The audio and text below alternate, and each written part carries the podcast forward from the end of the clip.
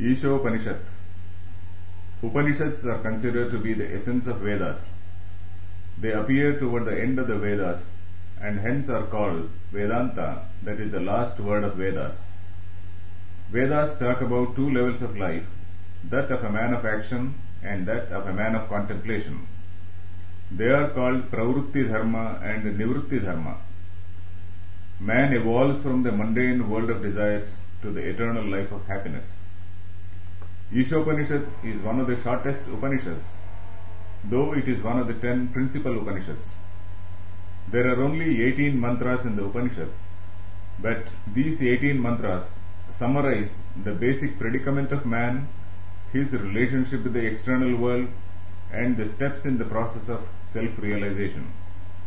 The Upanishad deals with the man of action who gradually evolves into a spiritual seeker after attaining an internal discipline called sadhana chatushtaya.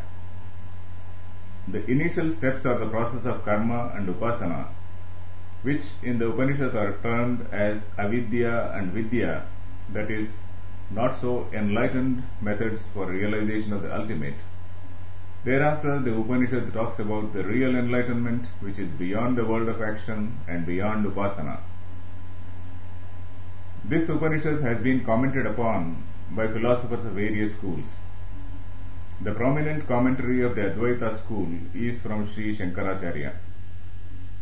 The present CD is a verbatim rendering of the Upanishad along with the commentary of Sri Shankaracharya. It is a clear and meticulous rendering by a veteran Sanskrit teacher, Sri Kambampati Sita Ramanjaneyulu, whose passion is Vedanta. It is a very valuable addition to the world of audiobooks in Sanskrit language. It is particularly useful for the advanced students in Sanskrit who would love to delve deep into Shankaracharya's profound thought.